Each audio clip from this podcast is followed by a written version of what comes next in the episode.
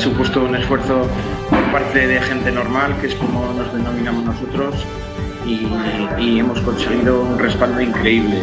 Eh, la ciudadanía de Soria ha respondido, nuestras reivindicaciones que vienen haciéndose desde hace 20 años han calado eh, en la población de Soria y por eso creo que hemos obtenido este respaldo increíble. Los otros partidos no hay gente normal, Carlos. Sí, pero, quiero decir que nosotros tenemos todas nuestras profesiones, eh, no nos dedicamos a esto de la política, no somos políticos profesionales y estamos eh, sacando esto eh, de nuestro tiempo libre, de, de, ratitos que le quitamos al trabajo, a la familia, vacaciones y no somos políticos profesionales, es lo que quiero decir.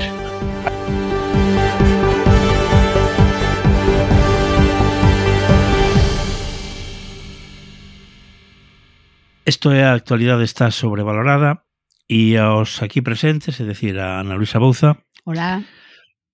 A Antón Losada. Boas.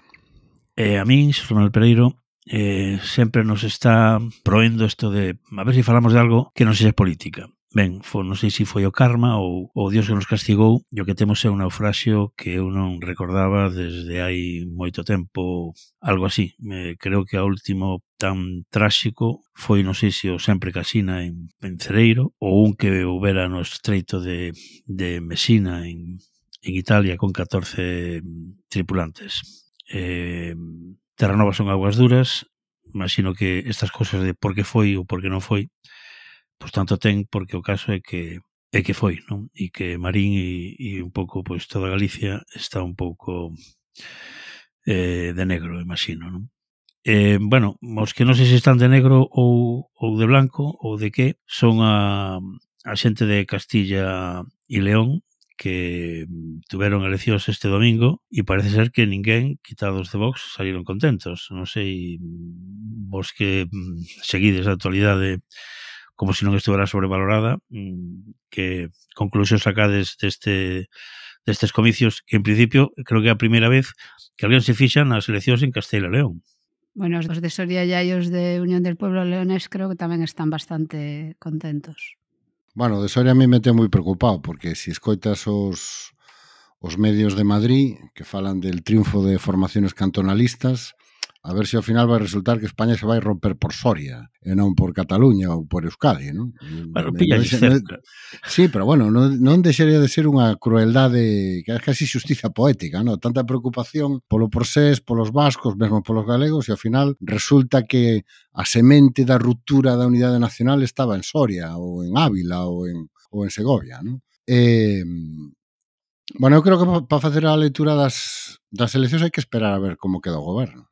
Si o Partido Popular consigue gobernar sin ter que meter a Vox no goberno, pois a lectura será unha e a influencia que teña na, neso que Casado chama o ciclo da política estatal que quería relanzar no? con, con este adianto electoral, pois pues terá unha lectura, no? e se ao final consigue sacar adiante esa idea de, bueno, vamos a negociar con estos partidos cantonalistas e utilizaros un pouco de guardacostas para sentarnos a negociar con Vox e decirle, mira, teño casi 38 ou 39 procuradores, que é o que suma, entón non necesito realmente que me apoies, só necesito que tas teñas. Non? E eu creo que iso tería unhas implicacións diferentes para o que a, a política estatal. Non? Entón, esa é a, a primeira lectura e a segunda lectura en, en clave tamén estatal é que, bueno, fai canto, tres, tres anos, catro anos, a terceira forza política en España era un partido de de centro chupiguai moderno, emprendedor e europeo, como era Ciudadanos, non? e con ese ese exemplo da cultura do esforzo que era Albert Rivera, que agora estamos descubrindo que é un fake tamén neso, no da cultura do esforzo, por polo menos eso dicen os seus empleadores, e agora a terceira forza política de España é a extrema dereita. E eso eu creo que nos introduce noutra realidade, non? A primeira de eh, asumir que preferimos enganarnos dos, nos, nas últimas décadas pensando que en España non había extrema dereita, e que a pouca que había estaba no PP ou, ou estaba na casa e non ia votar, e, bueno, pues, para ser a terceira forza non son tan poucos, non? E a segunda fundamental é que o, o ciclo político este que pretendía acelerar Pablo Casado, como decía antes, forzando o adianto electoral en Castela e León, o único que está conseguindo acelerar é a Vox. Por non logo, nin a súa candidatura, nin o seu liderato, non?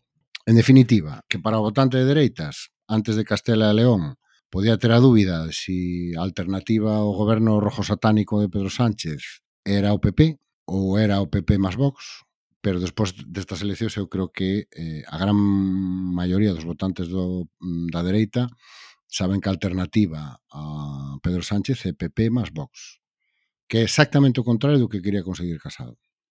Co cal, eu creo que a lectura é moi clara, non? o fracaso da operación Castela-León eu creo que pasa os anales da historia recente da democracia en España. Si, sí, ademais engadiría que o mito que do bipartidismo que unha e outra vez se pretende recuperar, pois non goza de boa saúde, non? E que cando parece que os enemigos do bipartidismo van minguando, pois aparecen outros elementos que o volven a alonxar, non? E que o bipartidismo pois está creo eu, lonxe de, de estar de volta. Non? E despois eh, tamén eu estou bastante de acordo co que comenta Antón, eh, a noite electoral que vivimos pegados, eu eh, polo menos, eh, de, toda a noite electoral ali pegada a radio, non? Pois parecía que deixaba un solo escenario posible, non? Que era e a de goberno de coalición entre Partido Popular e Vox, pero según van pasando os días, vanse abrindo novas alternativas, algunhas bastante extravagantes, a da repetición de eleccións, por exemplo, ou a de pedirlle ao PSOE que se asteña para que poda gobernar o PP en solitario. Dende logo, esa idea de conseguir un goberno máis estable eh, que utilizaban como argumento para a convocatoria das eleccións, eh, vamos, cambiar de compañeiro a Ciudadanos por Vox ou pensar en un goberno eh, con 31 lonxe, lonxe a 10 na maioría absoluta, en solitario, con apoios puntuais ou pedindo papas cada pouco, creo que dende logo un fracaso total para o Partido Popular non por non falar da guerra interna eh, dentro do Partido Popular que lonxe de, de ganarse ou de, de avanzarse de cara ás teses de, ou ao papel de, de casado eh, se reabre e seguramente con máis crudeza que nunca e veremos que pasa se si se adiantan as andaluzas.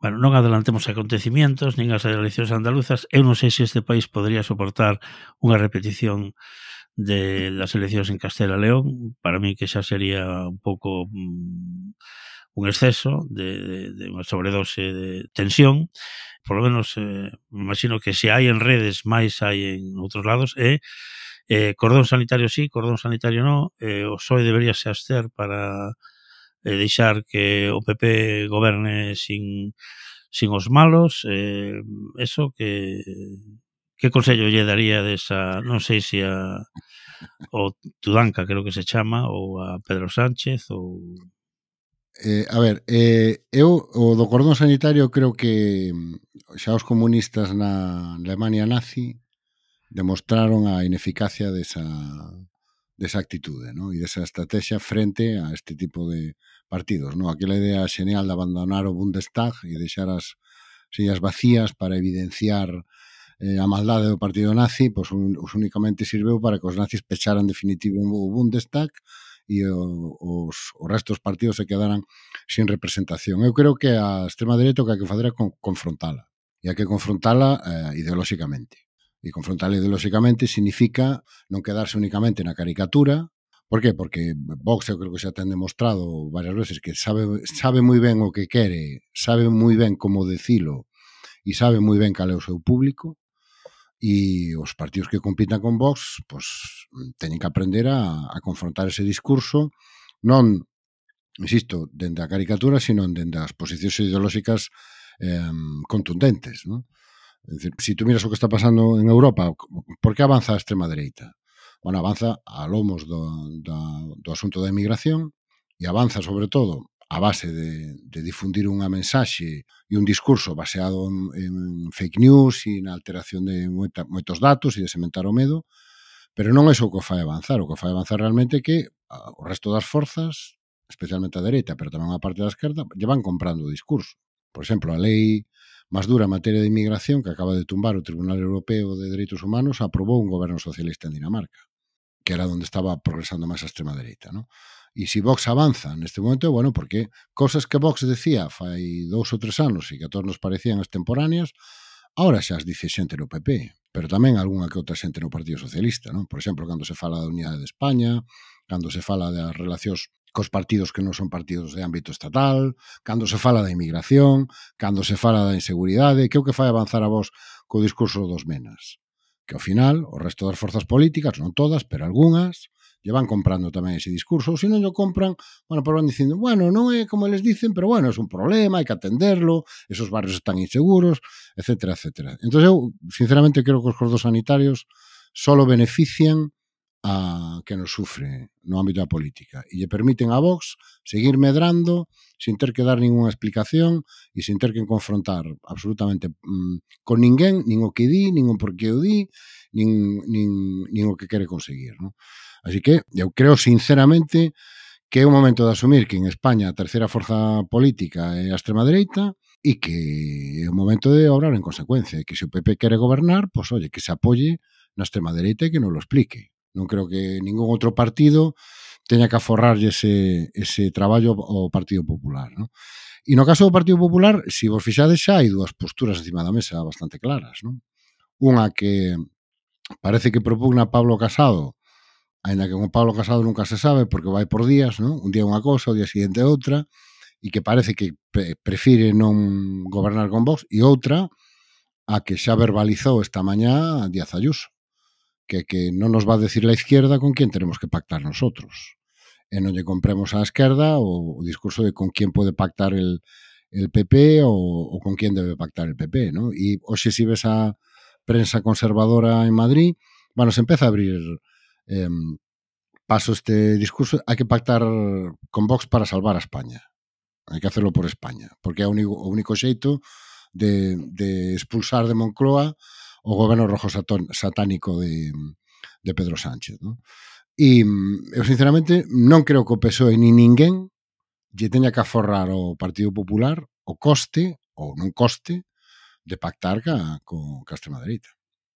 As Women's Planers, explicando cousas dende o ano 2021. Eu creo que se a xente soubese as convidadas que temos para o próximo mes, mes e medio, bueno, habían, habían estar a escoitar como todas A mí son guapas, deberíamos de facer tamén vídeo ou algo.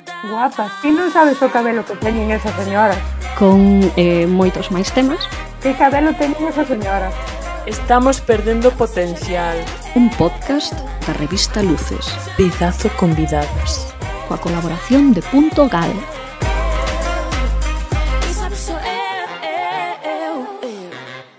Bueno, non creo que en Castilla e León o, o tema de inmigración foi quen fixera avanzar a, a Vox, pero pero o curioso, o curioso é que eh, mm, bueno, hai quen di, bueno, non avanzaron moito, non avanzaron moito tendo en conta que o PP leva 35 anos gobernando e que todo, digamos, o aparato o teñen eles, eh, me parece moito avanzar del señor eh, este avance de, de Vox, non? Sí, pero, pero dito, o tema de migración non hai que... O tema de migración ten moitas caras, non é só o feito de van vir emigrantes, non, non parte do discurso de vos que prende moito en determinadas comunidades é todo o que vende fora é unha amenaza. É unha amenaza para, noso, para a nosa forma de vida, é unha amenaza para os nosos costumes, é unha amenaza para, no, para a nosa comunidade, é unha amenaza para a nosa economía, para o noso posto de traballo, para os nosos fillos, e é un discurso que, que prende e que está prendendo en toda Europa e que prende, primeiro, porque eles o, o construen con habilidade e saben como decilo e cando decilo, E prende tamén porque o resto das forzas, en lugar de confrontalo abertamente, moitas veces o que acaban é comprando. A veces ca boca grande e a veces ca boca, ca, ca boca pequena. Non? Eu creo que tamén teñen unha capacidade eh, de moi grande de adaptarse ao público que os escoita, porque ah, eh, non é o mesmo discurso de Vox nas eh, eleccións de Castela León que o que pode ser no Congreso dos Diputados. Por exemplo, no discurso de Abascal a noite electoral, eh, fai un chamamento e un recoñecemento das plataformas locais non di que son verdadeiramente as que recoñecen as dificultades que ten a xente nos sitios abandonados, como Castela León, abandonados polo poder. E por que están abandonados? Pois, pois porque os cartos que o goberno debería dedicar a Castela León para salir do abandono e para reindustrializar, os está regalando en Cataluña e en Euskadi aos separatismos, entón os culpables, aquí o chivo expiatorio, os culpables, o enemigo exterior, non son tanto os inmigrantes, porque é un problema problema que claramente non se dá en Castela León, senón os nacionalistas que pretenden separar a España. E tamén outros problemas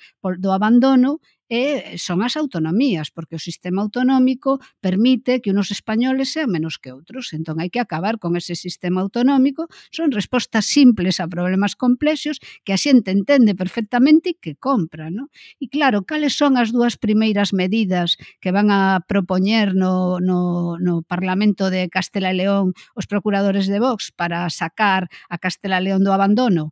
A derrogación da Lei de Violencia de Xénero, que claramente vai sacar a Castela e León Canción do Abandono e a outra, non me lembro cal, ah, da memoria, memoria histórica, histórica, que tamén, o sea, claramente eran as dúas leis principales culpables de deixar a Castela León no abandono, no claro, se ti ligas unha cousa coa outra, dis, bueno, pois son argumentos que, digamos, eh, son fáciles de comprender pola xente e que é unha forma estupenda para atraer unha base material do descontento que unha base real, no? porque eu creo que hai voto fascista que probablemente, como decía Antón, antes antes, cando non existía a opción de Vox, votaba ao Partido Popular, non só votaba, sino que forma parte do, do, da, da xente do Partido Popular, esa, esa ideoloxía, o fascismo, no? eh, agora ten unha representación, pero ademais que iso é, digamos, da política máis clásica, ademais teñen esa capacidade, como tivo no seu día o 15M, de recoller ao o descontento e de, e de darlle a xente que está descontenta co sistema eh, darlle unha opción, no? e iso é o que a mí me parece realmente eh, peligroso no? e de cara, de cara ao futuro. E min o que me gusta deste, deste asunto é o cantonalismo. En primeiro lugar, porque é un concepto, digamos, mm, antigo e... e clásico. Se, clásico e señorial, non polos cantós de, da Coruña, nin de Molins en, en Ferrol. E despois porque, eh, curiosamente, eh, pois, eh, para que logo digan dos do fácil que sacar eh, deputados para os partidos nacionalistas, eh, creo que en Soria, eh, con 7.000 votos ou con 8.000 votos, xa sacaron tres procuradores, pero sobre todo porque mm, está feito de, de que se está a dar unha especie de, de inicio de Brexit en, en Castela, o sea, de León, por lo menos da provincia de León, eh, con respecto á comunidade de Castela e León, e tamén un pouco do Bierzo con respecto á provincia de León, porque os, os datos os datos de votacións sí que foron, digamos, un tanto, é dicir, medrou moito, bueno, medrou bastante eh, a Unión del Pueblo Leonés, pero eh, no Bierzo non compraron tampouco exactamente o, o tema da Unión del Pueblo Leonés bueno, a Unión do Pueblo, do Pobo Leones, Unión del Pueblo Leones, leva no Parlamento de Castela León dende o ano 95, o sea, de, prácticamente dende os inicios da, da autonomía, non é, é bueno, un pouco máis tarde. É que ese debate estuvo xa no inicio da claro, autonomía, non sei se os, eso, non vos acordades crearon, daquelas, eh, sí, sí, as comunidades daquelas autónomas. listas negras que se publicaran, quero que as publicara Interview, no un momento con un gran escándalo, que había listas negras na comunidade de Castela e León dentro do PP, e a mí me fixo moita gracia porque había un, un procurador por León que a acusación que tiñan contra él era leonesista e martinvillista. As dúas. As dúas bueno, había unha proposta, había unha proposta ao principio naquela época, de crear ¿no? unha comunidade autónoma Astur leonés, non? Coas provincias sí, sí. de León, Zamora e Salamanca, do, digamos, de León, León e, e mm. Asturias. E eu creo que aí hubo eh, unha negativa incluso de Martín Villa, non? Bastante potente a que se fixera. E despois, o Unión do Pobo Leonés que se presenta nas tres circunscripcións de, de, de León, León, Zamora e Salamanca, eh, o que pretende é crear unha autonomía propia eh, que sexa herdeira do antigo reino de León. No? Creo que eso é, eso é eh, aínda que só ten procuradores pola provincia de León, de feito as declaracións pose, de, despois do, do, da noite electoral do responsable é que van facer un gran esforzo para medrar en Zamora e Salamanca porque eso é, un, o sea, a súa demanda é unha demanda eh, non mm. provincial, senón eh, coa idea de crear un, unha comunidade autónoma propia. No? O do Bierzo xa é algo diferente. O Bierzo que quere virse pa aquí, ¿no? Salirse bueno, de, mí, virse pa Galicia. Vente pa Galicia, Bierzo. Hai unha, a, a mí o que me resulta interesante do, dos partidos cantonalistas, como din os, os benpensantes de Madrid, é que, se vos fixades, eh, cando se convocaron as eleccións e durante a precampaña e a campaña, había unha opinión instalada de que iba, iba a perxudicar moito o Partido Popular esas candidaturas, ¿no? E que iba a restar procuradores ao Partido Popular e seguramente algún lle restou. Pero se si miras os resultados nas provincias, se si miras Soria, se si miras Soria, León, quen acabou quen acabou perdendo os diputados foi o Partido Socialista. O sea, Soria, en Soria, Ávila repiteu, pero en León é o Partido Socialista o que perde diputados e en, e en Soria é o Partido Socialista o que perde diputados, non? Que eu creo que eso hai que telo moi en conta porque estaba moi instalado na, digamos, na conversación pública que a articulación deste tipo de candidaturas, ¿no? inspiradas polo éxito de Teruel existe, iba a ser un gran problema para o Partido Popular na, nunhas hipotéticas eleccións xerais. Bueno, Castela León deixen riba da mesa que vai ser un gran problema para os dous. Ou, se si queredes, que é moi difícil calcular realmente que impacto van a ter, porque non a xente non vota igual nunhas autonómicas que nunhas eleccións estatais, e é moi difícil saber a quen van a acabar perxudicando. No caso de Castela e León, claramente acabaron perxudicando e acabaron costando máis diputados o, par, o procuradores, mellor dito, o Partido Socialista que o Partido Popular. Segundo, eu creo que tamén eh, máis alá da habilidade e da, do mérito que teñan os candidatos e as persoas que traballan nestas nestas candidaturas, que hai que recordar que veñen de movimentos sociais e de feitos de Soria dubidaron moito dar o paso de convertirse o sea, non apareceron onte non son candidaturas ad hoc que se crean porque hai unhas eleccións non, non, son movimentos sociais que levan anos en algún caso unha década traballando polo contra o, o abandono e contra a falta de atención ás súas demandas e dos territorios os que representan. Non? A mí me resulta interesante, primeiro, como movimentos sociais que se transforman sin coste en movimentos políticos e que mm, despois do que pasou, por exemplo, co 15M, esta é a segunda experiencia que podemos ver, ver un pouco nesa dirección e que eu creo que dice moito de que eh, a día de hoxe pasar de un movimento social a un movimento político xa non é tan costoso en términos de acceso como era antes. Mm e que xa, xa non necesitas tanta estructura nin asumir tantos costes para poder presentarte unhas eleccións, se si sabes dimensionar ben en que territorio e para que te presentas e que podes conseguir resultados espectaculares, o caso de Soria é que ten máis votos que a suma dos dous grandes partidos, que a mí me parece un resultado espectacular. Estamos falando da población que ten Soria. O 40%, máis do 40% dos votos da provincia ten. En términos proporcionais, a mí me parece absolutamente espectacular. Escoitade Malva Duarte falando misterios. Misterios, xente con paus, feito sobre pirámides, zombies, supoño. Más pirámides. Gandalf é un mago, non un, semide un semideus. Mm. Encántame que todo isto empezara con Duarte, el ex de mi mejor amigo. Tamén eres un dos meus besties, tía, agora.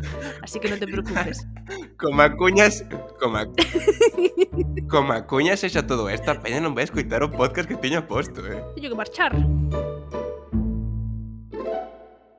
Ben, eh, me ven como me sigue interesando moito o problema do Bierzo porque votou distinto da provincia de León.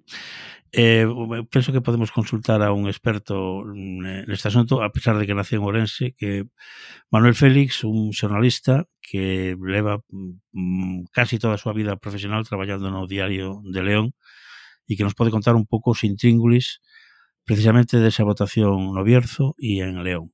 León votou distinto do resto da comunidade, Manuel Félix, eh, por que razón? Pois deberá o saber o electorado, pero o certo é que o certo é que eh, hai unha tendencia generalista de dese de voto que se dice eh, casi nacionalista, digamos, no? Está claro que subiu o leonesismo eh, e non todo o que o que iba o, o que cre, creían que iba a subir, ¿no? Eh, por exemplo, co, co exemplo que hai en, en Soria ou en Ávila, ¿no? Digamos que o reflejo de, de León, do, de, da, da Unión del Polo Leonés, é, é, é un síntoma similar ao desas provincias minimizado en parte tamén pola fuerza que ten eh, pois, os partidos mayoritarios, non? Eh, o, o PSOE e o PP e en este caso a, o, o gran avance que tuvo eh, eh, Vox en este caso na, na, na provincia de León tamén. Eh, e despois, pois, bueno, están eh, unha serie de circunstancias de pois esas diferencias históricas entre o que é Castilla e entre o que é León, non? Mais ou menos, poderíamos resumir iso así.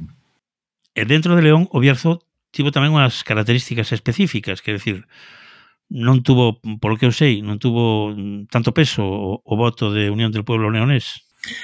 Sí, eh, tuvo, mm, sí, lógicamente o Bierzo sabes que hai tamén unhas diferencias importantes entre o que eh, a comarca do Bierzo, eh, que está dentro da provincia de León, ya eh, frente ao leonesismo. ¿no? Históricamente sempre hai que ha habido unha rivalidade eh, tremenda, no? que ha, ha, ha quedado diluída um, nos últimos anos por un bercianismo máis máis suave, vamos a decir, non máis moderado, non tan eh, non tan acérrimo entre que se vía antes, por exemplo, entre no, no fútbol, no, entre o que é a cultural leonesa e o, o a, a Deportiva Ponferradina, non?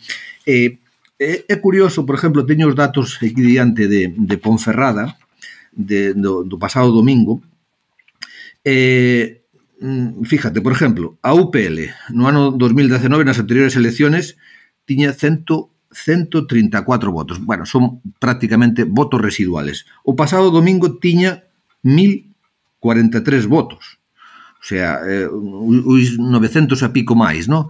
é, é, mm, é sintomático non Esta, este crecimento. É, doucho o dato, por exemplo, de Coalición por el Bierzo, a formación bercianista que se presentou a, as, as elecciones autonómicas, tiña no ano de, mm, 2019 1902 votos e, sin embargo, o domingo baixou 368, quedou en 1534 votos. Casi, casi lle anda a zaga o leonesismo, unha cousa inaudita e que no Bierzo que o, o leonesismo haya entrado desa maneira tan importante. Donde está a clave? Pois eh, exactamente hai, eh, os politólogos poden decir muitas cousas. Non se sabe moi ben, pero, bueno, botando unha vista, unha, unha ollada ao, ás cifras, así en general, pois está claro que o voto de, de Ciudadanos desapareceu. Tiña tiña 3.500 votos, 3.493 no ano no, nas anteriores elecciones, no 19, e quedou en 840 en, en Ponferrada, estamos falando de Ponferrada, non?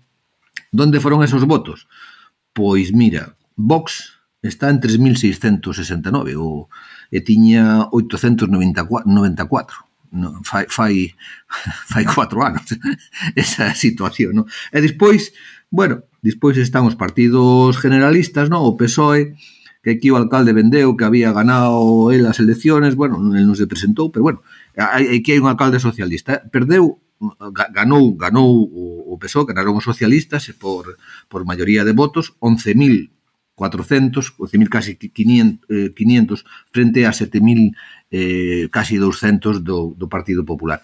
O PSOE perdeu, perdeu fíjate, hai un dato aí tamén significativo, mil, casi 1.200 votos eh, eh, con relación a anteriores. Sin embargo, o PP ten un, pie, un, un, un voto moi fiel, porque apenas perdeu 25 votos, ¿no? Eso significa que, que é bastante fiel aquí a, a ese voto, ¿no? Bueno, non sei se quedou claro, ou, ou a orixe galega de Manuel Félix o que indica é que todo depende de como se mire e, e que todo é moito máis complicado do que parece.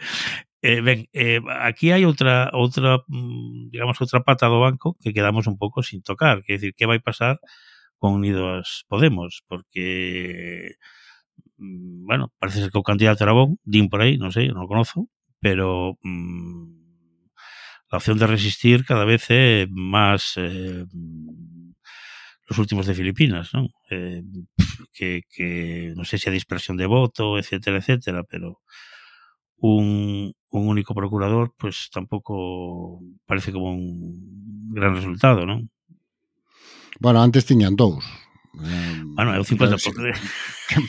Non, 50% de dous. Creo eh, que non perderon votos, eh, prácticamente. A cuestión é que, según Unidas Podemos se vai convertindo en Izquierda Unida bis, pois acabará tendo os votos de Izquierda Unida. O sea, eu creo que esa é a, a, a dinámica que levan, no? e que non que solamente está contrarrestada pois polos territorios onde hai algo máis que iso, no? E a nivel estatal todo eso suma e parece que hai algo máis, pero nos territorios onde non hai nada máis que iso, eu creo que claramente esa é a, o debalo, non?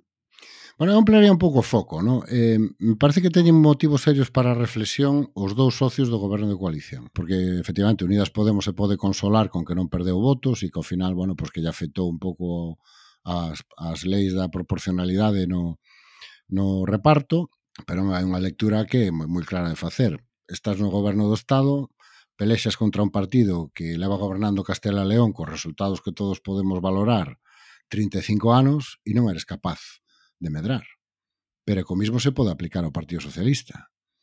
De acordo ca estrategia que nos venden dende Moncloa e que o Partido Socialista non se cansa de repetir, bueno, pasada a pandemia, ahora veñen os anos, digamos, dorados da recuperación, no? o maná europeo, todo van a ser eh, boas noticias, a xente está moi contenta cas políticas progresistas deste goberno, bueno, parece que en Castela León, non? É dicir, ningún dos dous socios está amortizando que está no goberno ningún dos dos socios está amortizando a boa valoración que xa comentamos aquí neste podcast que as enquisas lle dan a moitas das decisións que está tomando este goberno e políticas que está poñendo en marcha este goberno entre os seus votantes. Os dous, como moito, resisten, se quedan co que tiñan. E enfrente tes unha alternativa que non se está limitando a resistir, porque o Partido Popular está medrando, o resultado non era o que esperaban, pero certo é que ganou as eleccións, Vox está medrando, E o que vese que a suma da dereita vai medrando, a veces máis rápido, a veces máis despacio, a veces medra máis a extrema dereita que a dereita, pero van medrando e a suma dos dous socios do goberno de coalición ou se queda como está ou vai menguando pouquinho a pouco. Non? E claro, xa estamos, eh, xa pasamos a mitad da legislatura. Si a estas alturas a tendencia é esa, lles queda ano e, ano e pouco para revertila e para empezar a amortizar realmente eh, os resultados da súa acción de goberno, porque o, o que falamos antes do PP, bueno, está claro que a opción de que o PP poda ganar en solitario as eleccións e gobernar en solitario en España queda bastante desdibuxada co resultado de Castela León. Parece que Vox é un socio inevitable. Pero se algo sabemos tamén é que o Partido Socialista necesita medrar para conservar a Moncloa e necesita que o socio máis pequeno non se lle desfonde. E as dos cosas non están pasando. E iso por un problema de comunicación que se di sempre nestes casos es que... Pero que eso, mira, eso, o problema de comunicación eu non sei, nunca entendín que significa eso. É como cando traballaba nos medios de comunicación e te chamaba o director do despacho e che dicía que era un programa de corte humano e dices, que é o corte humano? No, eu entendo fileteado solomillo, pero corte humano non, non tal no? entón, o problema de o problema de comunicación bueno, eh, asume que tú tes unha gran noticia e que non se la sabes contar a los demás o que ya estás contando mal. Bueno, pode que sexa eso, pero a min a min me dá máis a sensación de que máis que un problema de comunicación é que hai un problema de ruido. É dicir, este goberno, o goberno de coalición, xenera demasiado ruido. E o ruido desconecta a xente. Entón, tú vas, faz cousas e falas ben e poden recibir boa valoración, pero se todo van envolto dun ruido continuo, un ruido permanente, ¿no? e todo é follón e todo é lío, e ahora vai un e ahora vai outro, e, e, e, e se pasan o día dando rodas de prensa e opinando uns sobre os outros e chamándose a atención os uns sobre os outros.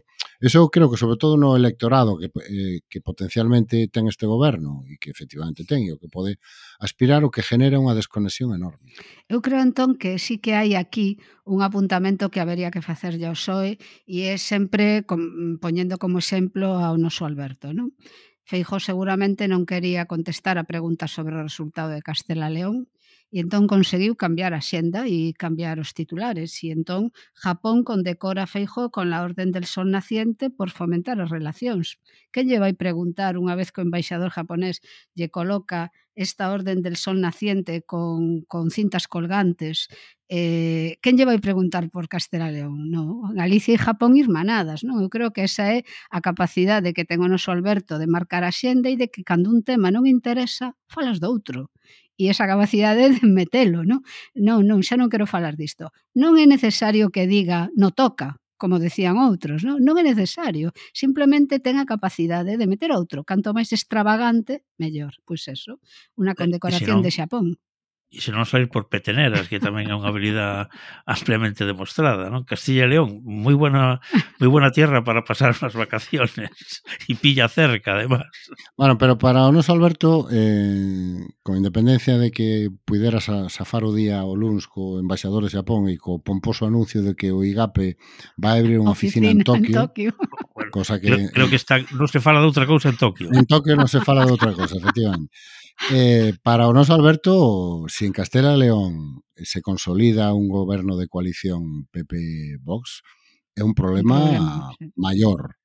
Primeiro, porque está moi cerca xeográficamente. E a cercanía xeográfica en política é moi relevante. E entón, todo o que pase aí impacta aquí e é noticia aquí. E además, eh, incluso o ter mesmo fronteira común, O sea, as noticias eh, chegan con moita rapidez.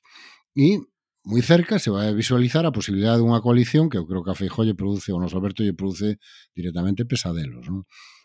E segundo, levamos 24 horas e xa o candidato a vicepresidente de Castela e León xa deixou unhas cantas ocurrencias en riba da mesa. É de supoñer que irán deixando máis ao longo das próximas semanas.